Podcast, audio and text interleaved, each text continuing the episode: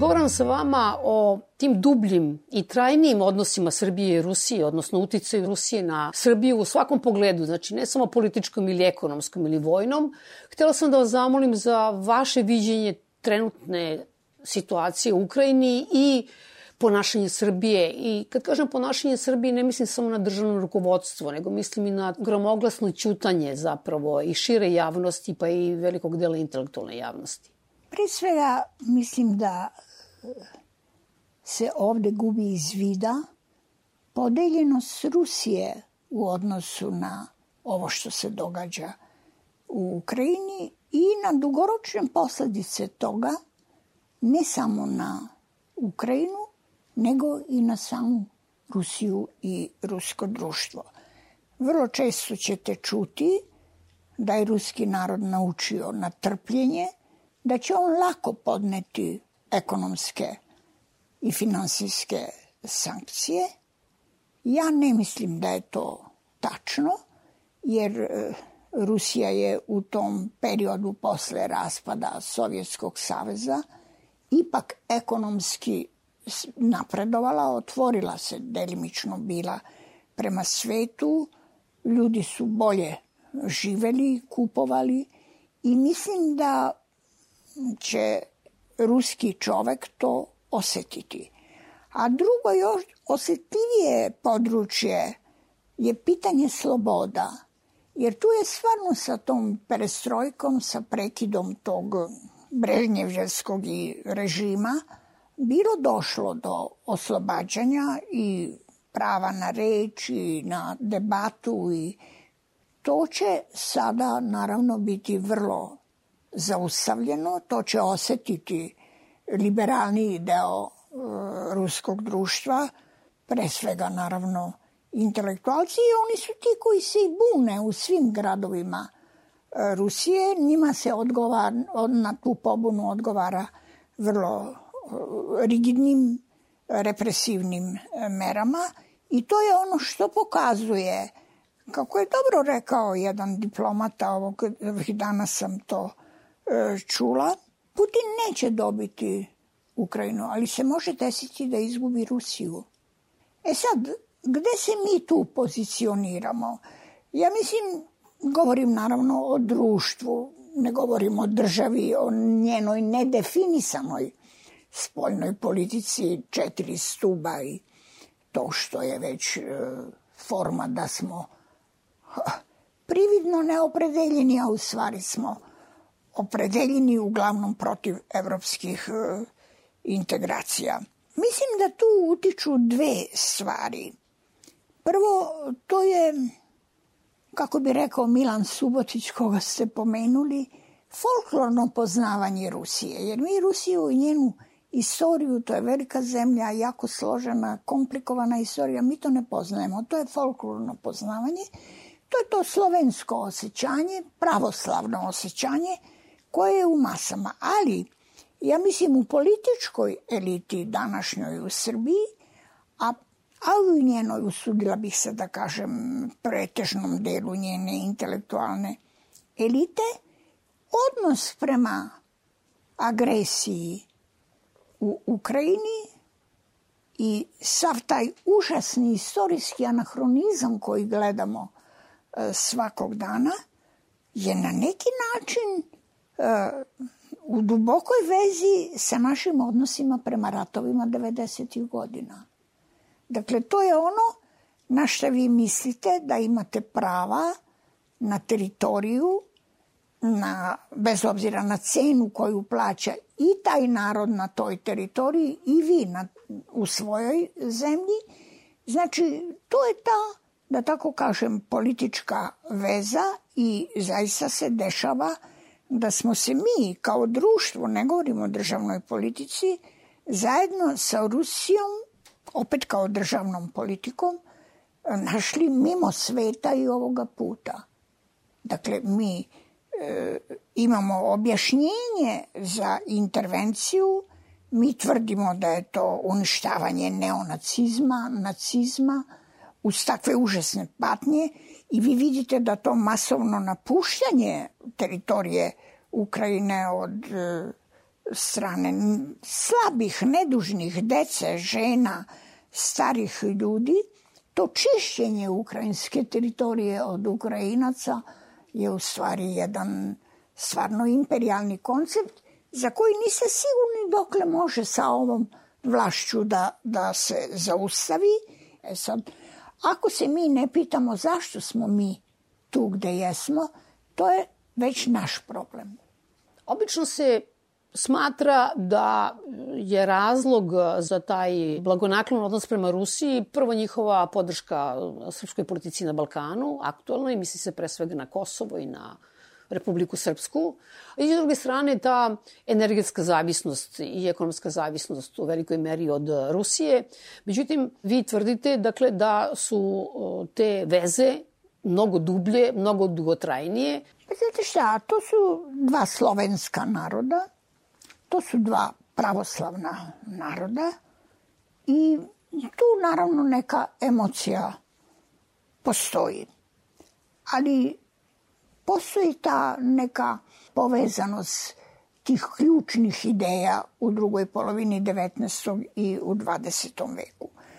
Ona granica od koje mislim počinje, bar za mene, e, to diferenciranje jasnije u Srbiji u srpskom društvu, to je kad e, Srbija siče državnu nezavisnost. To je Berlinski kongres 1878. godina, ona dobija proširenje, dobija e, status nezavisne države i tada se vrlo malo brojna elita u Srbiji deli na jednu u suštini slovenofilsku orijentaciju i na jednu prozapadnu orijentaciju. Prva je naravno uvek bila masovnija, druga je bila isključivija, takvo je to vreme, ali to je nešto što u kontinuitetu traje. Iako je naravno ova pobednička struja uvek čak i u nauci, da ne govorimo o političkim odnosima, potiskivala ovo drugo. I onda se desilo da ono što je preoblađujuće ispade i jedino moguće, a alternativa kritička je uvek postojala. Ta tako velika vezanost e, za e, Rusiju i naravno obrnuto, ja ću vam reći kako mi izgledaju ove strane, ona počinje baš posle sticanja državne nezavisnosti i vezuje se za nastanak radikalne stranke. Radikalna stranka e, se formira već 81. 82. godine. Ona se vezuje spoljno politički za e, Rusiju, Tu su naravno različiti e, razlozi za, za takvu orijentaciju. To je agrarno društvo, to je patriarhalno društvo, ali vi tu imate jednu imperialnu imaginaciju. I vi recimo imate Pašića koji u emigraciji piše, on tada uspostavlja vezu i sa slovenofilskim krugovima i sa zvaničnom Rusijom I on piše šefu azijatskog departmana Ministarstva inostranih poslova da je Rusija e, velika slovenska, najveća slovenska pravoslavna država, da je to kolo slovenskih sestara, gde je ona na prvom mestu, a iza nje je odmah Srbija. Znači, ta mala Srbija, to je ta imaginacija koja naravno vodi spoljnu politiku Srbije posle i u Balkanske ratove, znači širenje prema jugu, a vodi je u Prvom svetskom ratu prema zapadu. Znači to je to teritorijalno proširenje srpske države koje naravno zagovara e, najviše e, radikalna stranka i ona naravno posle osvaja vlast, tu imate majski preverat, raskid sa zapadnoevropskom Eh, orijentacijom Obrenovića. Dakle, to je ta linija. S druge strane, vi u ruskoj spoljnoj politici imate trajnu orijentaciju na Balkan zbog toplih mora, zbog novih tržišta i oni su uvek prisutni. I kad recimo posle ovih promena e, do kojih je došlo e, i u Jugoslaviji 2000. godine i uopšte sa presankom hladna rata, blokovske podele sveta, slušate da su Rusi ovde se vratili. Nisu se oni vratili, oni su uvek bili prisutni. I nisu to skrivali.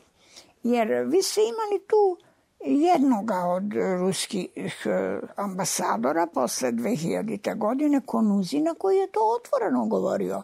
On je govorio, znate šta, velike države imaju trajne spoljno-političke strategije i orijentacije. To ne zavisi od režima. To ne zavisi od političkih garnitura. Znači, Balkan kao jedna tačka koja nas vodi ka našim strateškim ciljevima, ka sredozemlju, ka a, novim tržištima, je naša trajna orijentacija. I vi ste imali tu orijentaciju da ste recimo pod slovenofilmstvom imali tu imperialnu ekspanziju. Kao što se posle pod proletarskim internacionalizmom imali tu imperialnu u suštini orijentaciju Rusije za koju smo se mi bili naravno vezali u drugom svetskom ratu i imate taj prekid 48. koji je bio e, vrlo važan, ali je naravno naročito posle Staljinove smrti otvoreno pitanje kako dalje u Jugoslaviji, kojim putem, da li ćete vi ostati vezani za taj e, u suštini model ruske revolucije, za taj jednopartijski sistem, za e, državnu privredu ili ćete se okrenuti kao modernizaciji. Pa to je to pitanje Đilasa i ako danas e, Svetlana čitate, on je taj koji nagoveštava budućnost i kaže ili ćemo mi posle te završene revolucije, posle osvajanja vlasti, ići na demokratizaciju, na decentralizaciju, na razvoj modernog društva, na okrenjenost prema svetu ili ćemo ostati maskirani, ali zarobljenici tog modela.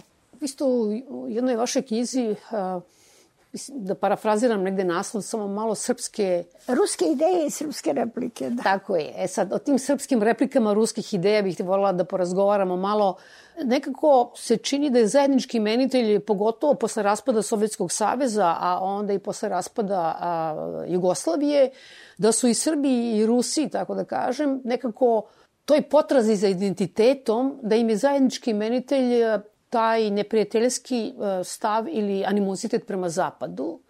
I s druge strane, e, ta ideja da se jedna zemlja, jedna država može razvijati, ali bez liberalizma. Jeli? Ili što bi rekao Pašić koga ste pomenuli, mi ćemo sa zapada uzimati nauku i tehniku, a i ništa više, jeli? Mi treba da se oslonimo na svoje institucije i eventualno na institucije koje imaju naša slovenska braća. Ova knjiga koju ste pomenuli, ona je jako dugo nastajala. Ona je u stvari uobličena na sugestiju ruskih kolega, jer ja sam sa njima mnogo sarađivala i ja ću vam reći svoje iskustvo. E, kada sam ja počela da radim rusko-srpske veze u oblasti ideja, ja sam bila zatečena činjenicom koliko je to malo kod nas proučeno. I Rusija, koja je zaostajala u razvoju, naročito posle poraza u Krimskom ratu 56. godine, i taj apsolutizam i to nedovršeno oslobođenje seljaka, njena elita je bila u pobuni protiv toga. I tu je bilo genijalnih ljudi koji su, plateći obol u zatvorima za svoje ideje, za svoje knjige, kao Hercem, Bakunin, To je bilo visoko plemstvo. Oni su emigrirali i za ceo život ostali u Evropi. Tamo su stvarali svoje listove emigranske. To što su oni formulisali bilo je s obzirom na Evropu. To nije bilo protiv Evrope. I vi imate recimo jednog genijalnog čoveka koji je bio neka vrsta e, kreza u, u emigraciji ruskoj kao što je bio Hercen sa tim ogromnim svojim delom, koji je kritičan bio prema Evropi posle revolucije 48. godine i mislio je da se čovečanstvo okreće ka istoku, ka, tom, ka tim malim zaostalim e, narodima, a pogotovo ka jednoj velikoj državi kao što je Rusija. Dakle, imali ste jednu vrlo uh, difuznu uh, sliku ruske emigrantske elite. Jedni su bili kao Hersen za okretanje s obzirom na Evropu uh, istoku, njegovim patriarhalnim vrednostima, drugi su kao Bakunin bili za anarhizam, za revoluciju, za bezdržavnost, treći su kao Lavrov bili za odlazak inteligencije u narod, četvrti kao Tkačov su bili za organizovanje revolucionarne e, elite koja bi prvo došla do vlasti, a onda putem vlasti vršila socijalnu revoluciju. Imali ste Nečajeva. Sa svim tim ljudima, srpski ljudi su imali veoma direktne veze.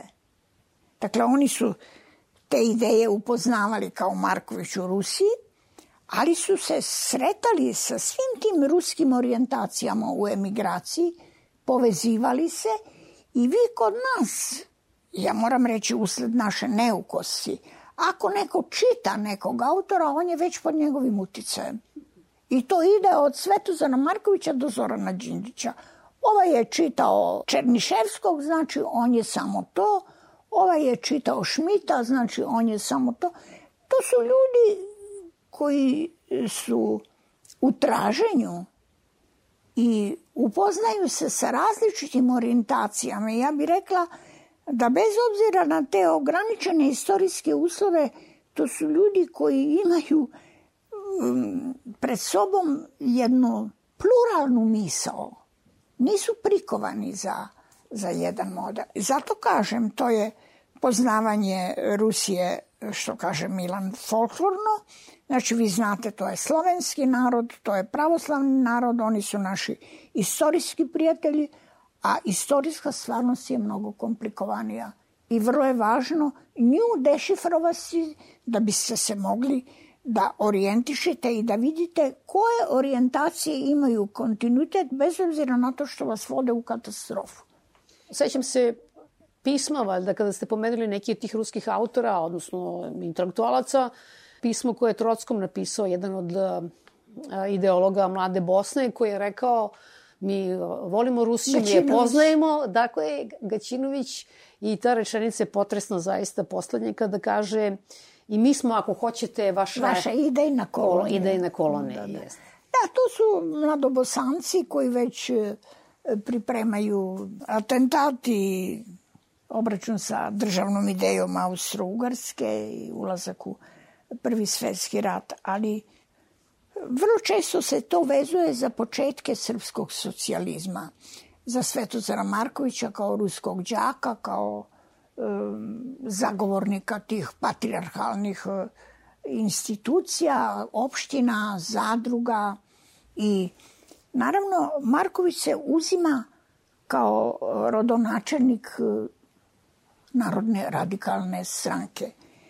Pašić i Marković jedno vreme idu zajedno možda do smrti Svetozarove 75. godine, oni su zajedno u Ujedinjenoj omladini Srpskoj, zajedno e, su u Cirihu. Ljudima to izgleda čudno, ali u Cirihu je 72. 872. 74. godine bilo 50 Srba.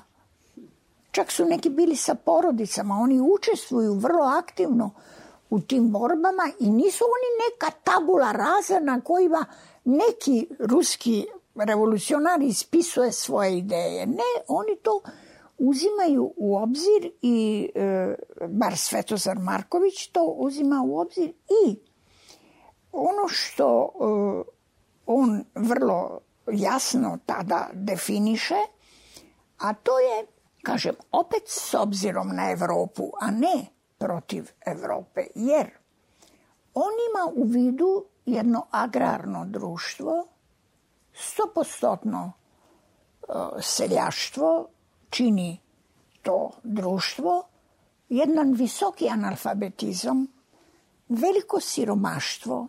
Kad ste pomenuli nepismenost, koliko se sećam, negde od hiljadu, na hiljadu ljudi bilo četrdesetak ljudi koji su pismeni. Pa da, znači visoka nepismenost, visok analfabetizam, proizvodnja na vrlo sitnom posedu, e, na kome, kako su govorili strani pitopisi, ne možete ni da umrete, ali ne možete ni da preživite.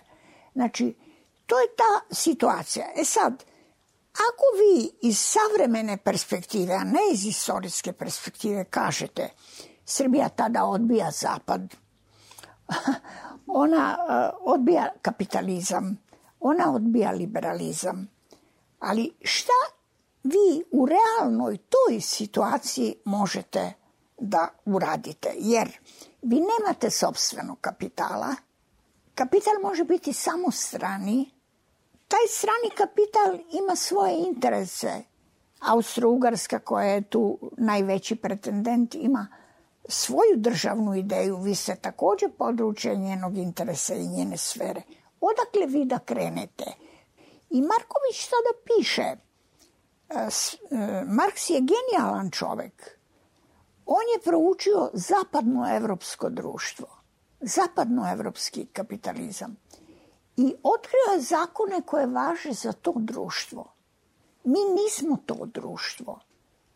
I gde da mi u svojoj tradiciji nađemo neke pretpostavke za to buduće društvo. I to nije nešto na što je upozoravao samo jedan Svetozar Marković 70. godina 19. veka, nego Na to su skretali pažnju vrlo učeni zapadnoevropski moderni ljudi ko što je bio profesor Mihajlo Konstantinović na pravnom fakultetu. On je rekao, ako vi u sobstvenom substratu ne nalazite neki oslonac za ideje formulisane u zapadnoevropskom substratu, vi ćete imati, to neće prodreti.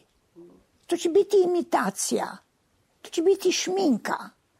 I to će izazvati prvo frustraciju, a onda će dovesti do neprijateljskog odnosa prema celom zapadu i zapadnoevropskoj civilizaciji. Znači, u isto vreme vi imate jednu drugu orijentaciju posle smrti Svetozara Markovića među njegovim pristalicama, to je ta radikalna stranka koja nas sve kao masovna E, seljačka stranka, to je Pašić koji je uvek bio uh, slovenofilski orijentisan.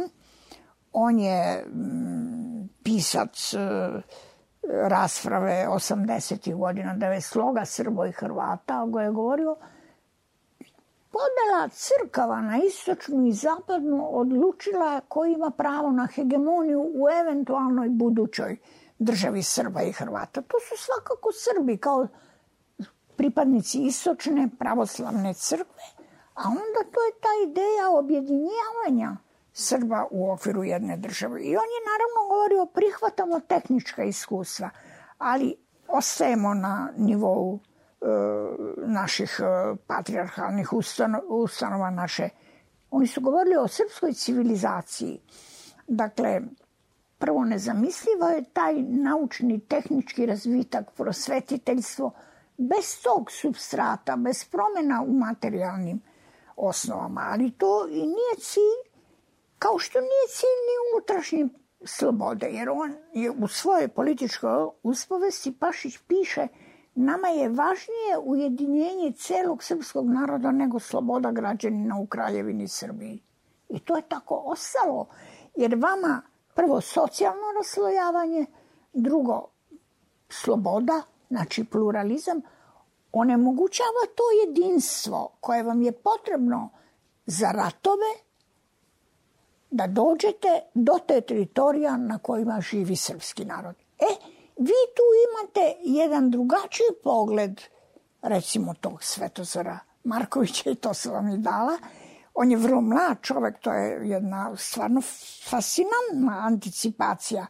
On kaže, mi ne možemo ići na sukob sa susedima, Srbija ne može da računa na ratove sa susedima, ona će biti vojna, policijska država, bit će siromašna. Srpski narod u drugim zemljama van e, Kneževine neće dobiti ništa. Srpski narod u Kneževini će izgubiti, pa za se to nije ostvarilo. I ja to vrlo često citiram kad je Pašić u Prvom svetskom ratu bio na programu stvaranja Jugoslovenske države, on je poslao vrlo viđene intelektualce u sve e, prestonice evropskih država i tako je u Pariz otišao Jovan Đujović, geolog, naučnik, predsjednik Akademije nauka i čovek koji je pripadao toj ciriškoj grupi Srba u 19. veku I Pašić je njega poslao u Pariz. Ovo je došao kod ministra inostranih poslova i bila je u pitanju granica prema Mađarskoj. Ovaj ga je ministar slušao i kaže, pa dobro gospodine, jeste vi nekad videli glavu na kojoj pod jednu kapu može da stane svaki pramen kose? Pa čekajte, zašto je potrebna država u koju ćete vi da utisnete svakog svog pripadnika, svejedno gde on živi. Zašto je to potrebno? Jel? E, znači, ti ne možeš da zamisliš i tebi je to jedinstvo srpskog naroda potrebno kao izgovor za teritorijalno širenje. Imamo ponovo to oživljavanje i u terminologiji ruskog sveta, odnosno srpskog sveta ovde pri čemu je čak kada se govorilo o Rusiji da to nije samo država nego da je civilizacija, država podrazumeva neke granice, ruski svet, to je nešto bezobalno, jeli? Kad kaže u sred invazije mi nemamo nikakve neprijateljstva prema susedima. To vam zvuči cinično, ali u stvari on kaže Ukrajina je Rusija, kaže da, Ukrajina... a prema Poljskoj nemamo nikakve pretenzije trenutno, jeli? Pazite, ako se e, vratimo na Sovjetski savez, na pojavu Gorbačova na glasnost, na oslobađanje. Na... To je bio jedan veliki mm, zaokret u ruskoj politici koji nije dugo potrajao. I naravno to ima recepciju i u narodu i kad vi gledate ima jedna velika francuska istoričarka Ellen Darkos, Dankos koja se isključivo bavila uh, ruskom istorijom, toliko se bavila da je Jelcin hteo da joj da državljanstvo. Ona je odbila, ona je jedna od tri žena, tri žene akademika u, u Francuskoj akademiji nauka. I ona je upravo o tome pisala. Postoji ta hjerarhija vrednosti vladara. I vi ćete tamo uvek imati Ivana Groznog i Staljina, ali nećete imati Aleksandra II, koji je veliki reformator, ukidanje kmetstva, koji je bio ubijen i nećete imati naravno Gorbačova. I ona je napisala jednu knjigu Aleksandar II. Rusko proleće. Znači, to je bila ta evropska orijentacija. E sad, vi ste tu, znači, učušćivali tu predstavu o dve civilizacije. I tu je postao je, između dva svetska rata je postao jedan austrijski etnolog koji se 30 godina nam bavio proučavanjem Srbije i Crne Gore. I onda je napisao knjigu u kojoj je e, rekao, znate šta, u tim zemljama se ne voli naša civilizacija. Naravno, e, otpor postoji, e, to su, ovde se uvek govorilo treba izvršiti promene, ali promene su bolne. Nikad nije rečeno u čemu je bolnost tih promena. Kroz šta moraju da prođu društva? Ko što je prošla ta zapadna Evropa?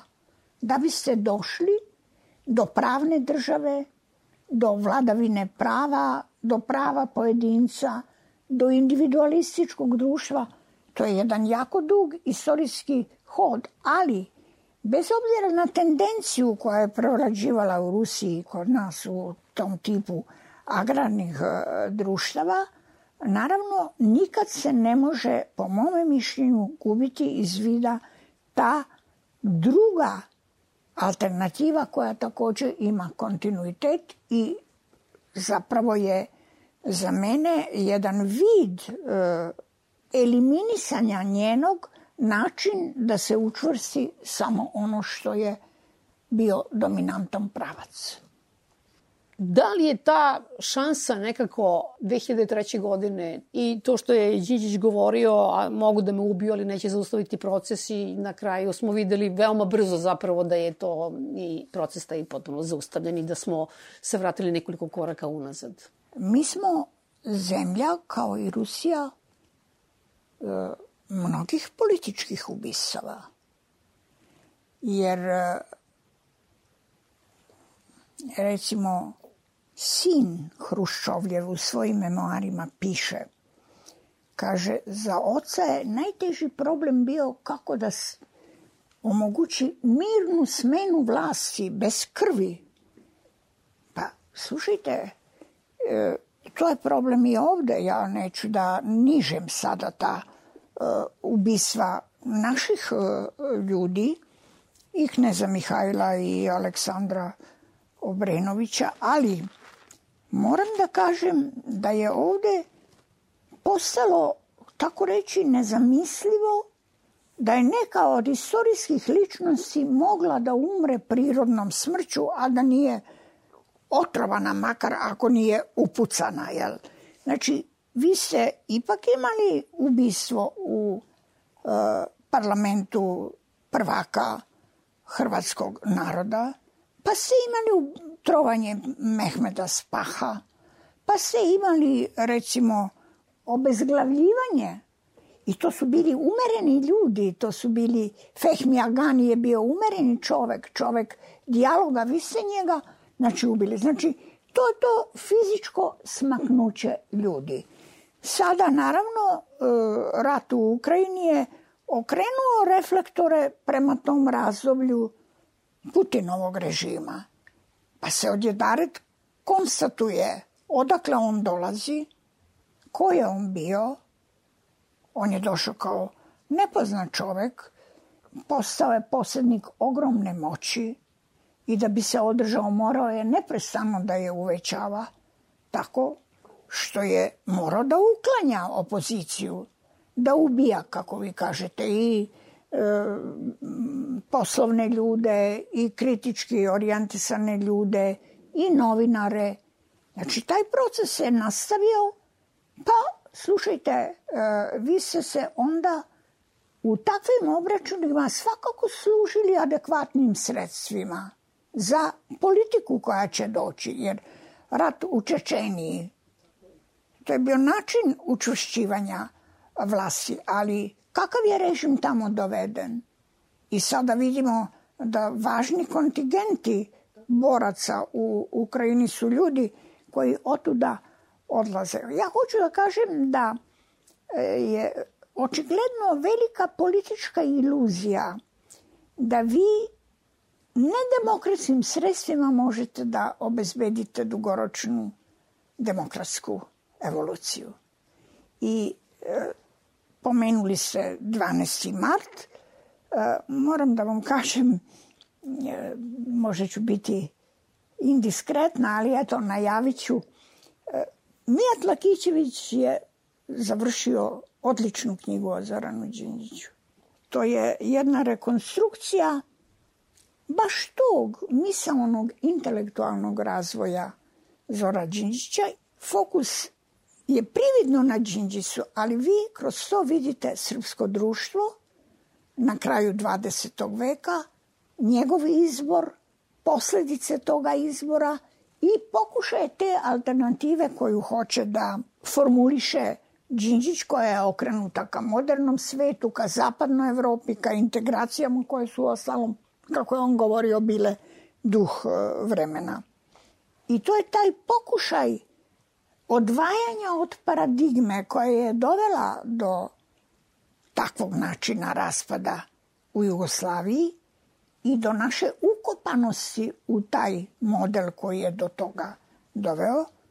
Đinđić je bio jedan veoma inteligentan, hrabar uman pokušaj da se iz toga iziđe I ono što je Đinđić, to je pojava na više nivoa. On je pre svega doživeo jednu duboku evoluciju kao filozof. On se odvojio od dogmatskog marksizma. Bio kritičan. To nije imalo nikakvu recepciju ni u Srbiji kod kritičara svega postojećeg. Oni su, kako dobro kaže Tošić, s kojim se vi tako lepo sarađivali, oni su bili dogmati, oni nisu bili revizionisti. Znači, on je doživao tu mm, evoluciju na teorijskom planu. Kako? Užasno radeći i učeći. Šta je on sve čitao? Šta je sve prevodio? To nije zato da ti izabereš jednu orijentaciju, nego da napraviš sintezu i da se suočiš sa tim, kao ga on govorio, svetom života, da vidiš šta možeš u realnoj situaciji da učiniš. Drugo, to je njegov publicistički rad. Đinć je bio svesak da je naše društvo. Znači, to je njegov prosvetiteljski rad. Da pokažeš gde smo mi, gde bismo mogli da budemo, zašto je važno da tu budemo. I to je na kraju njegov politički eh, angažman preko, naravno, demokratske stranke koji se završio tako kako se završio. I to je ta postavljena linija. Znači ti si ostao na toj paradigmi da se zaokružuješ teritorijalno, da stvaraš veliku državu, da se udaljavaš od sveta, da u svetu tražiš oslonac koji ohrabruje tu tvoju u suštini katastrofalnu politiku, a te drži u mesu, vučete nazad i da tražiš oslonac u tom uh, zaokretu koji je posle perestrojke i glasnosti nastao u Rusiji. Ali ja mislim da je fatalno izgubiti iz vida da su ovde postojale alternative, da su postojali nosioci koji su uglavnom bili uklanjani bilo tako što su pacifikovani ili tako što su fizički likvidirani. I poslednje pitanje, da se vratim nekako na početak. Očigledno je da će posle ovoga, kako god da se završi, ovaj, da li strašno, kao što sada izgleda, ili, ili katastrofalno, apokaliptički, tako da kažem, ovo u Ukrajini, da će e, Rusija upasti, što je neko rekao, u 100 godina geopolitičke samoće ili 100 godina samoće. Šta ako u narednih dana ili u ovom periodu aktualna vlast e, u Srbiji bude ostala čvrsto na tom uverenju da nije u redu narušavanje teritorijalnog integriteta, ali mi znamo šta to znači zbog toga što imamo Kosovo, ali ne možemo da učestvujemo u svemu tome što veliki deo sveta smatra reakcijom i kaznom Rusije za ovo što radi i što će tek očigledno raditi u Ukrajini. Pa znate šta, to mnogi ljudi koji su prijateljski orijentisani prema Srbiji procenjuju u kom pravcu to sve može da krene, oni govore da je Srbija na raskršću i da ona stvarno mora da se odluči je li njena orijentacija prema istoku, kako se to kaže, ili je njena orijentacija prema zapadnoj Evropi gde je ona geo, geografski. Ali na potrebu definisanja spoljne politike koja bi bila usklađena sa zapadnoevropskom politikom, sa politikom Evropske unije je upozoravano sve ove vreme, mogli bismo reći da, od da. ubistva e, Zorana Đinđića. I tu je izvršena jedno maskiranje. Mi smo na rečima za Evropu, mi pregovaramo, otvorili smo jedno poglavlje, drugo poglavlje, a u isto vreme ostajemo na toj paradigmi da se zaokružujemo, da stvaramo umesto velike Srbije, sad kažemo srpski svet, da mislim da je vreme odluke zaista izrazito izoštreno i da tu više tog pretvaranja ne može da bude. Vi morate, ako hoćete, da budete deo te asocijacije koja ima određenu spoljnu politiku, da se opredelite. Šta ćete vi tu sada rizikovati? Dalji razvoj zemlje, naroda, svakog čoveka ili ćete u želji da učvrstite svoju vlast ostati na staroj paradigmi? Pa to je pitanje za razmišljanje svakog birača u Srbiji koliko će ta paradigma kojom, koja dominira političkom klasom, kako se to kaže, odjeknuti ponovo široko u biračkom telu, to je stvarno pitanje razumevanja šta se događa, pitanje posledica koje mogu da proiziđu, koje u svakom slučaju nas vode u dalju istorijsku stagnaciju. Ja se nikad ne uzročavam da upotrebim i reč propadanje, jer narodi propadaju – ono što se po mom mišljenju gubi iz vida, to je da mi na delu imamo jednu društvenu strukturu koja je proizišla iz rata. Znači, i u svetu biznisa vi imate ljude koji su stekli imovinu u ratu, pljačkom, zločinima. Vi imate takve ljude u akademskom svetu. Vi imate takve ljude u medijima takve ljude pre svega u političkim partijama. Dakle, to su ljudi koji naravno braneći tu paradigmu brane te osvojene pozicije bez obzira na cenu koju to ima po narod i po svakog građanina. E to pitanje razumevanja je za mene ključno pitanje i plašim se da ono i ovog puta ne izostane. Hvala vam najlepše na razgovoru. Hvala vama, Ceca.